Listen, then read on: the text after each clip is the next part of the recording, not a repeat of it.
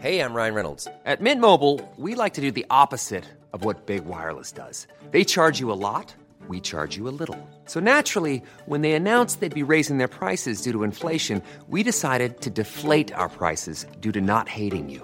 That's right. We're cutting the price of Mint Unlimited from $30 a month to just $15 a month. Give it a try at mintmobile.com slash switch. $45 upfront for three months plus taxes and fees. Promo rate for new customers for limited time. Unlimited more than 40 gigabytes per month. Slows. Full terms at mintmobile.com.